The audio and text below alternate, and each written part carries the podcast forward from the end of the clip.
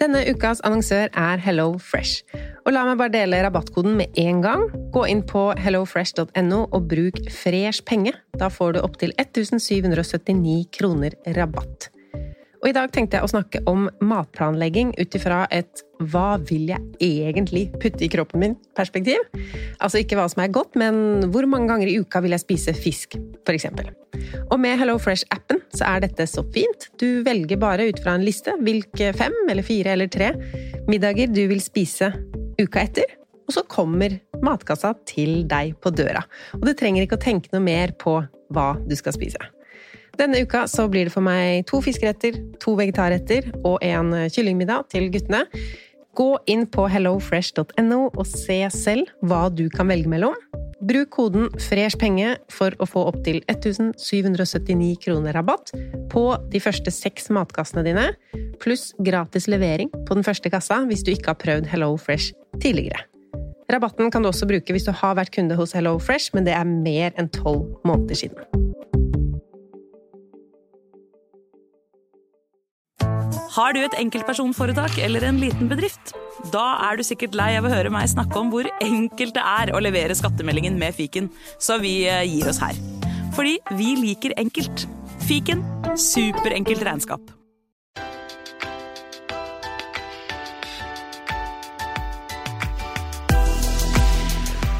Hallo og velkommen til Pengesnakk podkast. Før vi går til dagens tema, så skal jeg reklamere litt for boka mi. Boka mi kom jo endelig i butikk denne uka. Pengesnakk Slik sparer du deg lykkelig lanseres 2. januar, som jo er nå på torsdag.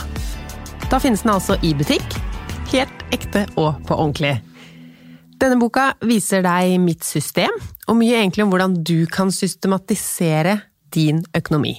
For hvis du setter dine verdier litt mer i system, så kan du bruke mindre penger på det som ikke er så viktig for deg, for å bruke mer penger på det som er viktig for deg, og samtidig ha muligheten til å spare mer. Boka kan fortsatt forhåndsbestille.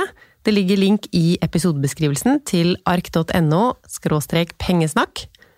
Jeg gleder meg til dere får den i posten og kan fortelle meg hva dere synes. Fordelen med å forhåndsbestille, det er jo at du får den rett hjem i posten. Og da sendes den nå, sånn at du får den i, helt i starten av januar. En annen fordel er at nettbokhandlerne har gitt maks rabatt på denne boka. Og det var jo viktig for meg at Pengesnakk ikke skulle være en dyr bok i utgangspunktet, så den koster 299 når den kommer i bokhandel. Men forhåndsbestiller du, så er prisen 262. Og så betaler du heller ikke noe for frakt. Så det er egentlig ikke noe å vente med. Gå inn på ark.no pengesnakk, så er boka snart på vei til deg også. Snart er det jo på tide med nyttårsforsetter, hvis du ikke har satt deg noen allerede. Men i et nytt tiår så må vi jo ha noen nye mål, nye sparemål og andre mål. I dag så skal vi snakke om et mål jeg satte meg i januar i fjor. For da bestemte jeg meg nemlig for å selge 100 ting. Og ikke da selge 100 eksemplarer av eh, pengesakboka, men 100 brukte ting hjemmefra. Jeg skal, skulle selge ting som jeg ikke trenger lenger. Og jeg ga meg selv et helt år på det. Og nå er det jo noen dager igjen bare, og jeg har faktisk ikke kommet helt i mål enda. Når jeg spiller inn dette, så er det 20. desember, så det er ti dager igjen av året, og jeg har faktisk ikke gitt opp å få det til. Jeg tror kanskje ikke at dagene vi har foran oss nå er de største dagene for brukkjøp, brukskjøp, men det er jo lov å håpe at noen siste liten julegaver også kjøpes brukt, og at noen i romjula har tid til å lete etter noen bruktkupp. Da jeg satte meg målet om å selge 100 ting, så var det mange av dere som fikk lyst til å gjøre det samme. Og det syns jeg var så kult at jeg slang meg rundt og laget et eh, skjema og hvis du har vært på foredrag med meg og sett mine powerpoint-presentasjoner, så vet du at jeg ikke er en designer, akkurat. Men det skjemaet jeg lagde, det er bra. Det funker til formålet. Du har kanskje sett det, jeg viser det jo av og til fram på Instagram og bloggen. Det er et skjema med 100 grønne punkter, hvor du kan krysse av eller huke av når du har solgt én ting. Den, eh, den, første utgaven av skjemaet var faktisk ikke så bra. Jeg gjorde jo dette litt for fort fordi jeg ville få det ut til alle dere. Eh, Og jeg ville at det skulle se fint ut, så jeg gjorde meg en flid med disse prikkene og sånn. Men så innså jeg det etter hvert at jeg hadde tegnet opp 40 sirkler for få. Så det var jo bare celle 60 på det skjemaet. Og det tok faktisk litt tid før jeg oppdaget det. Det var jo ikke engang jeg som oppdaget det. Jeg begynte jo å selge unna og krysse av, og så fikk jeg en melding fra en av dere som lurte på hvorfor det ikke var 100 sirkler på celle 100-skjema. Eh, Da var det vel 1200 stykker som hadde lasta det ned allerede, så det var jo det var litt tabbe. Men nå er det i hvert fall i orden, det er 100 sirkler. Og så har jeg oppdatert skjemaet litt igjen nå, fordi nå heter det ikke celle 100 i 2019, nå heter det celle 100 på et år. Fordi nå utfordrer jeg deg til å gjøre det i 2020. Og hvorfor i all verden skal du det? Hva er poenget? Vet du, det er mange grunner. Og den første det er å kvitte deg med ting som du ikke trenger. Du trenger ikke å kvitte deg med ting som du liker. Det jeg snakker om her, det er jo rot, ting som tar plass, ting du ikke bruker, ting som ikke gir deg noe glede. Det er så deilig å bare få ting ut av huset. Det blir mer ryddig hjemme hos oss, det blir oversiktlig, og når man har det mer ryddig og oversiktlig, så slipper man å kjøpe ting som man allerede har, et eller annet sted i kjelleren eller en bod eller et klesskap eller en kommode, men man finner det ikke når man trenger det, så da ender man med å kjøpe noe nytt. Kanskje noen av dere som har opplevd det til Lucia-dagen eksempel nå i desember. Men har vi mer oversikt, så bruker vi heller det vi har, og vi kjøper ikke nytt unødvendig bare fordi vi ikke finner eller har oversikt. Og får vi unna en del ting hjemmefra, så blir det også på sikt mindre å rydde. For den ryddingen mange av oss driver med, jeg er skyldig i det her selv også, det er at vi egentlig bare flytter på ting. Og så kanskje neste gang vi rydder, så flytter vi det tilbake der vi hadde det. Og det er jo fordi det er for mange ting, ikke fordi vi egentlig er dårlige til å rydde. Og så er det noe med det rotet som ikke er så synlig i hverdagen. Eh, De tingene som kanskje står i en bod, eller du har en full garasje. Vi tror at de tingene ikke stresser oss. Men det er klart det gjør det. Og når vi kvitter oss med ting, så senkes skuldrene, og vi blir faktisk mindre stressa.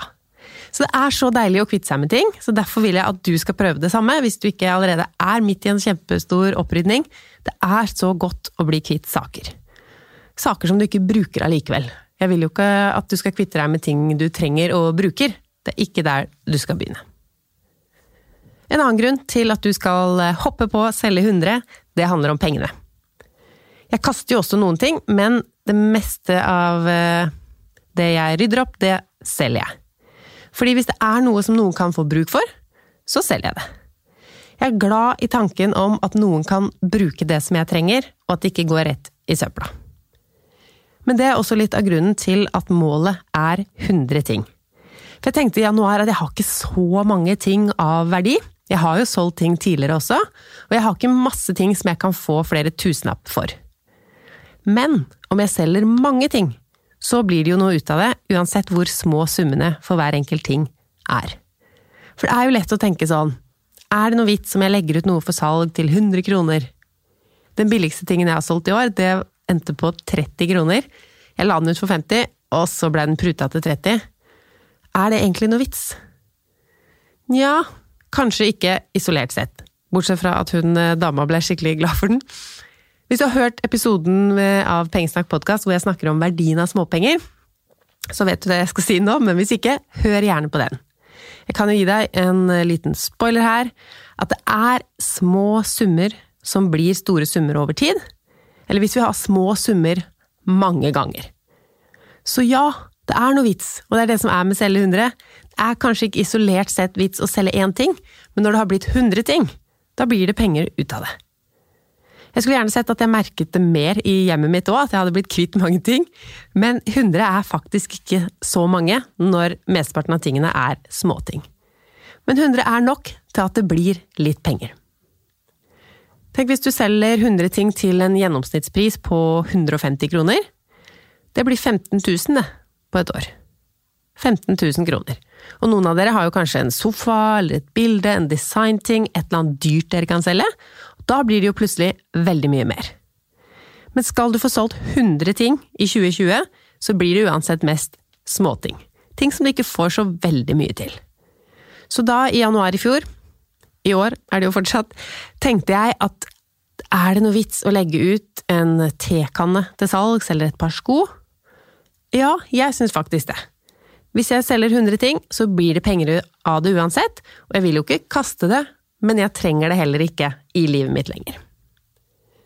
Så i tillegg til at det blir mindre rot og litt mer penger, så har Selge 100 andre fordeler. Det er også litt hyggelig. Bare det å vite at andre kan ha glede av ting som vi ikke trenger.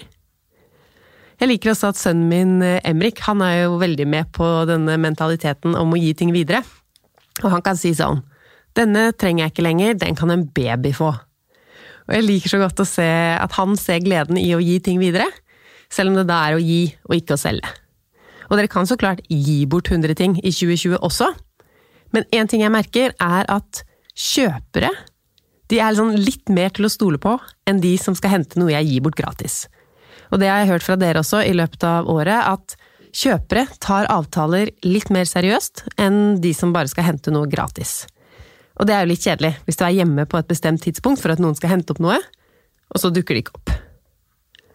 Jeg skal jo ikke hevde at alle kjøpere er hyggelige og presise, men jeg har hatt mange hyggelige møter i år.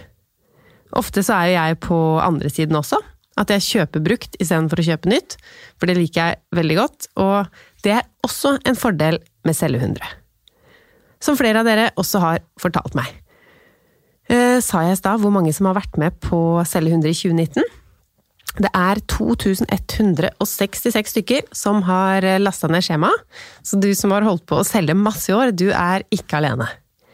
Og det jeg tenkte da, at dere som ikke var med i 2019, dere kan være med nå i 2020. Eller dere som ble med i løpet av året, kan jo fortsette ut i neste år, eller starte på nye 100, dere som klarte det. Og alle som har lasta ned det skjemaet, hvis alle dere hadde 100 salg, så ville jo det ha blitt over 200 000 salg av brukte ting i 2019 bare gjennom selgehudre, og det syns jeg er kult. Når man blir vant til å selge brukte ting, så blir det mer nærliggende for oss å kjøpe brukte ting også. Og det er superbra, og ganske kult å se at det har skjedd for mange av dere. For når vi kjøper brukte ting, så sørger vi jo for at det ikke blir produksjon av noe nytt, så det er veldig bra for miljøet. Og så er det økonomisk bra, både for den som kjøper brukt, så klart så finnes det dyre ting man kan få kjøpt brukt, men da er det jo noe eh, helt spesielt, noe som er vintage eller noe du setter pris på. Men som regel så er jo det man kjøper brukt, rimeligere enn det man kjøper nytt. Og den som selger, det er jo bra økonomisk for den også. De blir kvitt noe de ikke trenger, og får heller inn penger. En eh, siste fordel jeg skal eh, dra fram med Selge 100, før jeg går mer inn på hvordan man gjør det her. Det er en fordel som jeg ikke hadde tenkt på da jeg startet prosjektet. Jeg tenkte jo at jeg kom til å bli kvitt litt rot, at jeg kom til å få inn litt penger, men jeg innså ganske fort at det å selge 100, det er en jobb. Og det endte faktisk med å bli et slags sparetips. Fordi når du tar denne jobben, og selger 100 ting, så må du jo legge ut ting for salg. Bøker går det ganske kjapt å legge ut hvis man bruker Bookies, men andre ting må du jo ta bilde av, og da er det jo sånn at dagslys er best, og det er jo ikke en fordel nå på vinteren. Man må finne på en overskrift som kanskje er litt selgende, du må ha en tekst som beskriver det du vil selge, du må finne riktig pris, og når du endelig har fått publisert annonsen og kanskje noen er interessert, så må du jo snakke med kjøperne, møte dem, sende… Altså når det er snakk om 100 ting, så blir det en jobb. Nå er jeg ganske restriktiv når det gjelder det å møte folk. Hvis de ikke kan komme hjem til meg, eller komme et sted hvor jeg er, så takker jeg heller nei takk. Jeg kan ikke reise for å levere noe billige greier til en kjøper. Da takker jeg heller nei, Bortsett fra nå, i slutten av desember. Nå har jeg blitt litt desperat, for jeg vil jo gjerne få til 100 salg. Så i dag, for eksempel, så tok jeg med meg en knaggrekke på bussen og leverte den til eh, ei dame i Oslo. Hun blei glad for den, så det var fint, selv om eh, det var ikke mange kronene jeg fikk for den. Det kan jo være, eller det er, en jobb å selge 100. Man må jo finne 100 ting å selge også. Mest sannsynlig enda flere, fordi alt er jo ikke like lett å selge. Men når det er en jobb å kvitte seg med ting, så begynner vi å tenke enda mer over hva vi tar inn i huset. Det gjør iallfall jeg, Altså, dette prosjektet har gjort meg enda mer minimalistisk. Bare det å vite at ok, jeg kan kjøpe denne saken, denne genseren eller hva det nå skulle være, men hvis jeg ikke har lyst til å ha den lenger, så veit jeg jo hvor stor jobb det er å kvitte seg med den. Og man får jo ikke så veldig mye for de tingene man selger heller. Så det har liksom satt et helt nytt perspektiv på en høyere grense for ting jeg tar inn i livet mitt, bare det å vite hvor um, stor jobb det er å bli kvitt dem. Ok, nå skal jeg fortelle deg hvordan jeg har gått frem for å selge 100, eller for å selge 92, for å være ærlig. Jeg har ikke gitt opp, altså, så jeg håper på åtte salg for de siste dagene nå i år. Men eh, så er det sånn at min metode er ikke noe fasit. Tvert imot så har jeg noen forbedringsforslag til eh, meg selv, men jeg skal dele hvordan jeg har gått fram, og selv om det sikkert ikke blir helt likt for deg, så kommer du til å få deg noen gode tips her. Vi har jo alle litt ulike forutsetninger også, handler om hvordan vi bor, kanskje hvor mange ting vi har.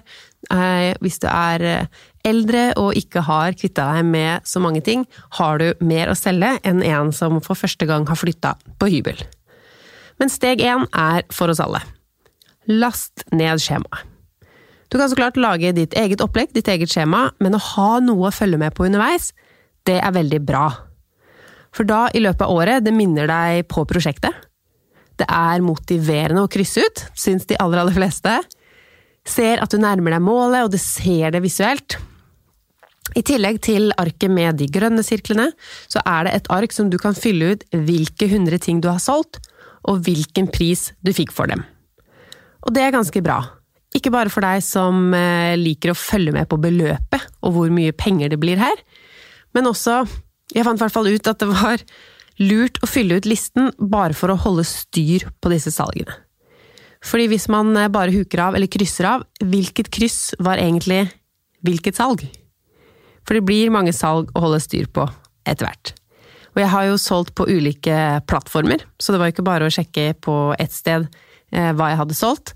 Eh, jeg har solgt på Tice, solgt på Bookies, solgt på Facebook, solgt på Facebook Marketplace og Facebook-grupper. Solgt eh, på Finn. De fleste tingene er solgt på Finn. Og noen ting har vi også solgt gjennom Tom sine plattformer.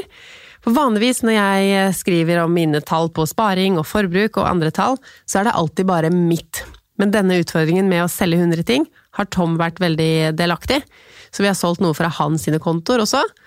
Eh, noen penger har vi fått inn kontant, noe har vi fått inn på VIPS, så det har blitt litt helt umulig å holde styr. Så det er veldig bra å ha den listen, så vi vet hvilke salg som er gjort, og hvilke salg som er hvilket kryss. Så steg én for deg blir å skrive ut disse arkene. Jeg legger en link i episodebeskrivelsen, og du finner også skjema alltid på pengesnakk.no. Når du har printa ut skjema, så blir steg to å finne noe å selge. Der vi bodde da jeg starta denne utfordringen, så hadde jeg et hjørne i leiligheten hvor jeg satt alt som jeg ville selge. Bortsett fra klær og bøker, da. Men med en gang jeg fant noe, eller tenkte på noe, så la jeg det der. Og det er egentlig fint å gå en liten runde gjennom alle rom der du bor, og bare tenke på dette. Hva kan jeg selge her? Da kan du enten lage en annonse med en gang, og la, hvis det er en lysestake det er snakk om, da, så kan den stå der til den blir solgt. Eller så kan du raske med deg alt, og så ha en annonsedugnad med deg selv. Det har vi funnet ut at er mest effektivt for oss. Vi legger ut masse annonser samtidig. Og da har vi flytta hit til eh, Villa Solstikke. Jeg kommer ikke over at huset mitt har et så søtt navn. Men det som ikke er så søtt med dette huset, er eh, alle bodene. Vi har over 100 kvadratmeter bod i kjelleren. Vi har dobbel garasje. Vi har innvendig bod vi har en redskapsbod i hagen, pluss at vi har loft. Og alle de stedene har jeg ikke lyst til å fylle opp med skrot. Så det vi gjorde da vi flytta inn her, det var å med en gang sette ting som vi ikke vil ha med videre i livet vårt, inn i en egen bod i kjelleren, som bare er til ting vi har lyst til å kvitte oss med. Så vi har enda ikke fått lagt ut alt til salgs. Det er noen som har vært litt travel med bokskriving siden vi flytta hit, Selge 100 har ikke fått vært førsteprioritet i høst, men det er også fint med at utfordringen varer i et helt år. Da trenger man ikke å være like på dette med å selge ting alle dager, men man kan fortsatt klare det. Så bare start med å rydde i en bod, bare se i en skuff eller et skap. Hvis du finner en ting som er mer verdt for deg enn det du tror du får solgt den for, så beholder du den. Men hvis du heller har lyst på pengene du kan få for tingen enn tingen, så legger du den ut for salg. Steg nummer tre blir å lage annonser. Og da er det litt sånn bare gjør det. Alt stopper jo her, hvis du ikke får annonsene ut. Ja, et år er lenge, men noen ting tar det litt tid å selge også, så å få ut så mange annonser som mulig tidlig på året, dette er, det her har jeg forbedringspotensialet og bomma litt på. Jeg kunne gjort mye mer på vårparten og bare få annonsene ut. Har du et kvarter, ikke sant? det er nok tid det til å legge ut noen annonser.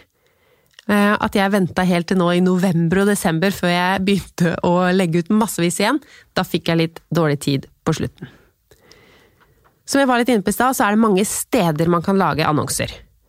Du finner eh, ulike apper, nettsider. Jeg har ikke prøvd alt. Jeg har eh, prøvd egne Facebook-grupper. Der finnes det jo både sånn geografiske grupper, kjøp og salg Trøndelag eksempel. Eller så er det dette Facebook Marketplace, som du kanskje har sett dukket opp på Facebook nå. Jeg har brukt eh, finn.no mye. Tice, det er en app som starta med klær. Nå kan du til og med selge leiligheten din der, tror jeg. Der har jeg solgt litt kjoler, vesker, en parfyme, et par sko. Bookies er en annen app. Der kan du selge brukte bøker. Og de samarbeider med en tjeneste som heter Meg til deg, og det blir jo da en konkurrent til Posten. Der eh, jeg bruker begge to, men og begge to har faktisk denne funksjonen nå, at du kan sende ting rett fra postkassa di. Da bare legger du det som skal sendes, på, enten på dørmatta eller i postkassen, og så blir det henta på natta. Og det er jo ganske genialt å slippe å gå på posten med tingene. Så når du har bestemt hvilken plattform som passer for din annonse, så gjelder det å lage den. Og nå skal jeg gå gjennom dette ganske nøye. Det kan gå raskt å lage en annonse, men disse tipsene er verdt å få med seg. Og så tenker jeg litt sånn at hvis det er en ting til 100 kroner eller mindre, så gidder jeg ikke å legge masse bilder og masse arbeid i teksten. Men hvis det er noe dyrere, så legger jeg inn mer innsats. Tenk selv, hvis du skal kjøpe noe av litt høyere verdi, så vil du jo ha mer info, mer bilder og være litt mer sikker rett og slett på at dette er noe du er villig til å betale for. Det første du må gjøre når du er på den siden at du skal lage en annonse, det er overskriften. Og den er ganske viktig fordi den er søkbar. Mitt triks er som alltid å late som om jeg er kjøperen. Og da er det ganske lett å finne ut hva jeg bør ha som overskrift.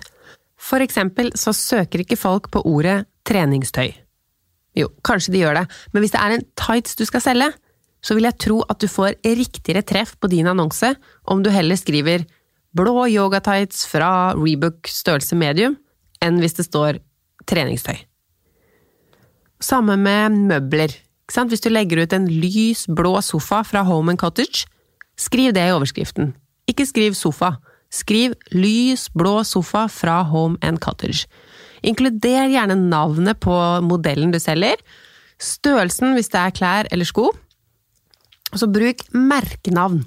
Skriv liksom hva det er. Hvis det er en gann i kjole, så skriv både kjole og merke. Hvis det er en lysestake, si hvor den er fra. Klatresko fra La Sportiva. For da er det sånn, en nybegynner vil kanskje søke på klatresko. Og da ville jo ikke den funnet dine sko, hvis du hadde bare lagt ut La Sportiva størrelse 39. En mer erfaren klatrer vil kanskje søke på La Sportiva, og da ville du jo ikke funnet den hvis du bare skrev klatresko. Så da sikrer du deg litt ved å skrive La Sportiva klatresko. Størrelse 39. Og tilbake til det med treningstøy.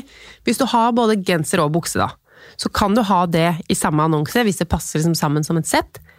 Men da ville jeg uansett skrevet blå tights og hettejakke fra Rebook, størrelse medium. Hvis du f.eks. skal selge jakka til søsteren din, og hun er en helt annen størrelse enn deg, ikke ha det i samme annonse som din yogatights. Barn- og voksenklær skal heller ikke samles i samme annonse. Da må du heller lage flere annonser. Det skal mye mer til at det er en som skal ha en damejakke og en buksestørrelse åtte år. Barnetøy kan du faktisk legge i samme annonse, men her også, folk søker jo som regel etter én størrelse. Den størrelsen barnet er eller skal bli. på, så på små babyer så kan du samle to-tre størrelser. Du kan så klart si også alt til barn fra null til ti år, men jeg tror du treffer mye, mye dårligere da enn om du lager heller ti ulike annonser, ett for hvert år eller størrelse barnet har, da. Så kommer vi til bildene. Og punkt nummer én der, det er å ha bilde. Kjøperen vil så klart se det de kjøper. Jeg har kommet over noen annonser noen ganger hvor det står sånn 'Står i boden, gidder ikke ta bilde'. Nei, vet du, da gidder ikke jeg å kjøpe heller. For vi vil se det vi kjøper. Og da, som jeg var inne på i stad, dagslys, det er ikke livsnødvendig, men det er mye bedre bilder man får tatt, og man får et mye mer fristende annonse med et fint bilde som viser tingen ordentlig, ikke sånn i halvmørket. Og hvis du skal selge noen klær, bortsett fra barneklær, så vil jeg råde deg til å ha klærne på en kropp. Når det gjelder barnetøy, så er det bedre å legge det utover, så man får oversikten over det. Og så trenger du ikke å style noe sånn unødvendig mye, men eksempel det hvis du har noe som står i garasjen, da. Hvis du har et teppe som er kveila sammen i en sånn rull, du får ikke solgt det teppet så lett da, som om du faktisk tar deg jobben med å legge teppet ut foran sofaen, istedenfor å ha det rulla sammen i boden eller garasjen. Så tenk på hva du skal vise fram. Hvis du har det veldig rotete og skittent bak og rundt, så er det ikke så fristende for en kjøper. Ta bildet uten så mye som mulig av sånne forstyrrende elementer. Og hvis det er noen feil og mangler på det du selger, så ta nærbilde av det òg. Det er mye bedre å være ærlig på det som er feil, enn at du prøver å skjule det litt, og så kommer kjøperen, og så har du ikke vært ærlig, og kanskje bedt om en altfor høy pris for noe som ikke er så bra. Det er mye bedre å være ærlig. Ja, her er det faktisk en skramme, den her bør males, her mangler jeg den ene spenna. Uansett hva det er, da veit kjøperne, og da veit de hva de kjøper. Og nå er vi også over i teksten, for disse feil og manglene må du beskrive. Men ikke start kanskje med å beskrive hva som er feil og mangler. Start med å beskrive det du skal selge, så godt som mulig. Og ikke si sånn 'fin jakke', 'flott bord'. Uh, det er kanskje litt individuelt, kanskje det er bare jeg som ikke liker det, men jeg tenker jeg må jo bestemme selv om jeg synes noe er flott eller fint. Det er bra hvis du skriver at det er bra, best i test eller noe sånt. Uh, og du kan også skrive hvorfor du har likt saken. Men det aller viktigste er hva er dette her? Hva er det jeg er på vei til å kjøpe? Og når du legger ut annonsen, tenk på hva du ville vært ute etter av informasjon hvis du var kjøper. Husk å oppgi størrelser, enten det er snakk om et par sko eller en liten kommode. Ha med da merkenavn, tilstand, størrelse, andre ting som er relevant for kjøperen. For både når det er snakk om klær, møbler og sånne småting som lysestaker, så vil kjøperen vite hvor stor er den her. Forklar kjøperen hva det er hun er på vei til å kjøpe. Tenk igjen på hvilken info ville du hatt om du var kjøperen, og svar det ut i annonsen din. Da slipper du også å få så mange meldinger med spørsmål. Det kan være fint med en forklaring på hvorfor tingen selges. Det er ikke jeg så god på å inkludere selv, men det kan være fint å vite hvorfor vil ikke de ha tingen lenger hvis den er så bra. Pris kan være litt tricky, og som en generell regel så kan jeg vel si at du får mindre for tingene dine enn det du tror. Et tips fra meg er å ha et søk, eller gjør et søk, på det samme som du skal selge. Fordi da får du jo se om det er noen som selger det samme, og hva andre forventer å få for den samme tingen som du skal selge. Du kan også spørre deg selv. Hvis jeg var en kjøper og skulle ha den her, brukt, hvor mye hadde jeg giddet å betalt? For hvis du setter prisen for høyt, så får du ikke solgt. Jeg pleier allikevel å starte litt høyt, og så setter jeg ned prisen om varen ikke blir solgt første måneden. Og prisen har alt å si. Lav nok pris gir et marked for alt. Du kan også tenke litt sesong. Nå passer det f.eks. bedre å legge ut vinterting. Du får mer nå for skia dine enn eh, tennisracketen, liksom. Og sånne festdrakter eh, til barn. Kanskje litt eh, etterspørsel har det vært etter det nå før jul, men de selges billig og til og med gis bort hele året. Men uka før 17. mai, så har disse draktene høy verdi. Så det kan lønne seg å legge de til salgs da. Neste steg er å svare raskt på forespørsler. Ofte så er det ikke bare du som har aktuell gjenstand til salg, så du må svare raskt for å sikre at de kjøper fra deg. For de kan gå videre til noen andre, ikke sant? Og det aller beste er om noen vil hente tingen hos deg, det syns i hvert fall jeg. Noen kommer til å spørre deg om du kan levere den ganske langt unna, og det står det jo fritt til å takke nei takk til. Og tenk også gjennom om du ønsker å sende gjenstanden. Selv om det er sånn at kjøper betaler porto, så er det ikke sikkert det vil lønne seg for deg å si ja, for du må jo finne en passende emballasje, du må gå på postkontoret hvis du ikke sender fra dørmatta, og er det egentlig verdt styret? Det var annonse- og selgetipsene. Jeg har skrevet til dem å snakke litt om hvordan man teller også. Fordi du teller hvordan du vil, altså, men jeg skal fortelle deg hvordan jeg teller. For 100 ting høres mye ut, og det er det jo også. Men vi snakker jo ikke om 100 stoler, sykler eller trampoliner her. Det er små ting, flesteparten av de.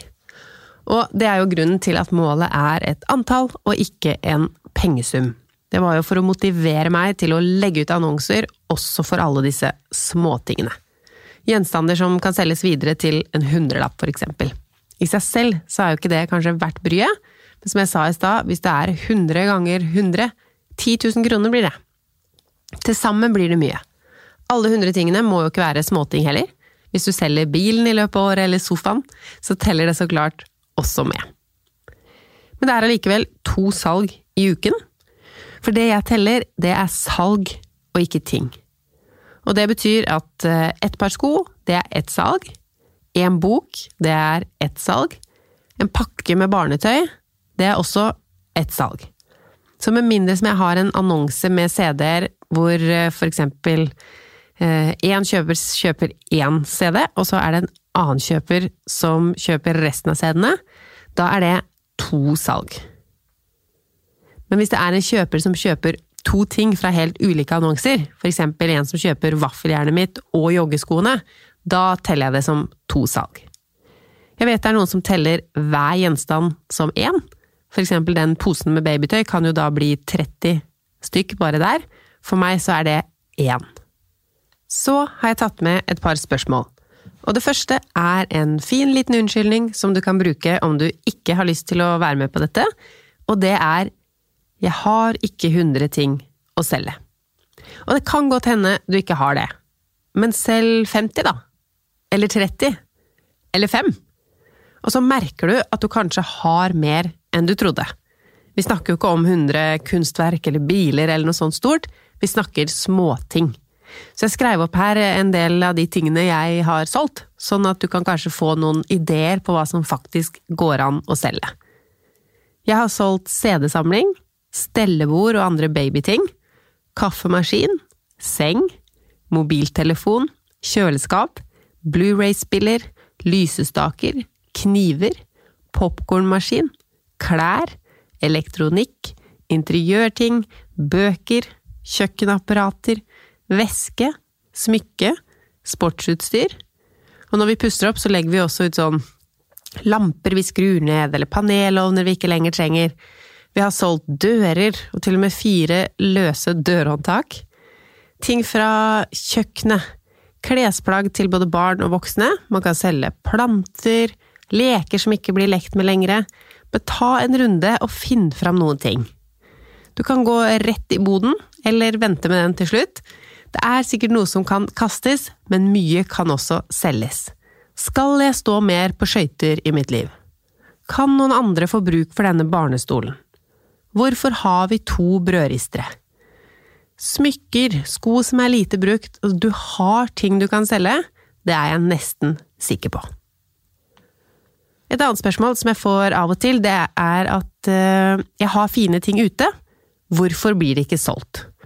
Og det første jeg tenker da, når noen har fine ting ute, det er problemet. For hvis vi prøver å selge ting som vi liker godt og synes er fine, så klarer vi ikke å selge dem. Rett og slett fordi de har en litt høy verdi for oss, og da setter vi prisen for høyt for andre. Dette har skjedd meg med brudekjolen min, så det skjer meg også. Den brudekjolen er skikkelig fin. Jeg eh, kjøpte den brukt og tenkte at da kan jeg jo selge den brukt, egentlig for den samme prisen. For om den er brukt én dag eller to dager, spiller vel ikke så veldig stor rolle for brud nummer tre. Men så er det ingen som har kjøpt den. Og jeg setter ned prisen av og til, jeg satte den ned mange ganger, men det er ingen som vil kjøpe. Og det er kanskje fordi jeg syns den brudekjolen er så fin selv, at jeg ikke klarer å selge den billig nok når den kosta så mye ny, så klarer jeg ikke å gå ned til liksom en femtedel av prisen. Så når jeg ikke klarer å selge den superbillig, så er det ingen som kjøper den. Nå vet jeg jo ikke hva du prøver å selge som du syns er fint og ikke får solgt, men tenk på det om du liker tingen litt for godt og har satt litt for høy pris. Så kan det jo også være noe feil med annonsen. At du kan få bedre Ta et nytt bilde, kanskje. Se om du har riktig info i overskriften, sånn at folk finner din annonse når de søker. Lese gjennom teksten og se om den beskriver det du selger bra. Fiks opp de tingene i annonsen. Og hvis det heller ikke funker, så kan du endre plattform. Hvis tingene ligger på finn.no eksempel, så kan du prøve å selge de på Facebook Marketplace. Og andre veien, hvis de ligger på Tice og du får ikke solgt det der, prøv å legge de inn på Finn eller på en annen app. Det er mange steder å selge 100. Til sist i dag så skal jeg lese opp med en liten e-post som jeg fikk fra en av dere. Tilfeldig at jeg fikk en e-post om selge 100 akkurat i dag, så den skal jeg lese opp for dere. Takk for en fin utfordring å selge 100 ting i 2019. Jeg har hatt opprydning etter mangel, etter mangel på dette i mange år, og har til sammen solgt 187 ting. Summen fra solgte varer ble til slutt over 50 000 kroner, som har gått til nedbetaling av lån. Kjempemoro! At jeg også kan selge 100 nye ting i 2020 uten å få det noe dårligere? Tvert imot mener jeg at jeg får det bedre og bedre med færre ting. Jeg har oppdaget mange fordeler underveis, noen av de helt uventet. En uventet fordel var at jeg raskt ble bedre på å kjøpe mindre. Der jeg før, uten å tenke på det, kjøpte noe til 150 kroner, tenkte jeg på hvor mye jobb det var å selge noe for 100 kroner. Dette med å lage annonse, svare, lage avtale, sende.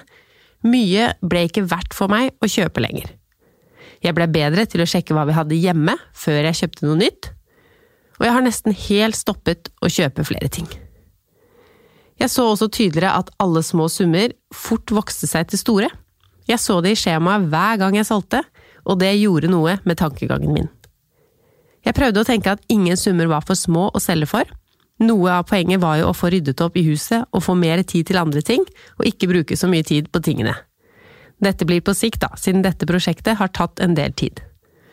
Så da ble det lettere å selge for 50 og 70 kroner, selv om det var lite penger og en del jobb. Jeg ble også bedre på å lage avtaler med flere samtidig, for overlevering av ting på vei hjem fra jobb, for eksempel. Igjen, takk for verdifull inspirasjon. Så det er veldig gøy at vi er så mange som har gjort det, og kanskje så mange som begynner med det nå, at vi har et prosjekt som vi gjør sammen. Og hvis du bruker hashtag selge100 på Instagram, så ligger det allerede en del ting der, så det er bare å fortsette å bruke den hashtagene. Hvis du som hører på nå ble gira på å selge unna litt, så kan du gå inn på pengesnakk.no slash selge100 for å printe ut skjemaet og sette i gang. Tusen takk for at du igjen hørte på Pengesnakk podkast. Legg igjen fem stjerner i podkastappen hvis du likte dette. Og så kan du gå inn i Facebook-gruppen Pengesnakkerne hvis du har lyst til å dele dine tips til å selge ting, eller om du har noen spørsmål som jeg ikke tok med i episoden i dag. Og du, hvis du fikk noe til jul som du ikke trenger, selg det videre. Da gjenstår det bare for meg å ønske deg et riktig godt nytt år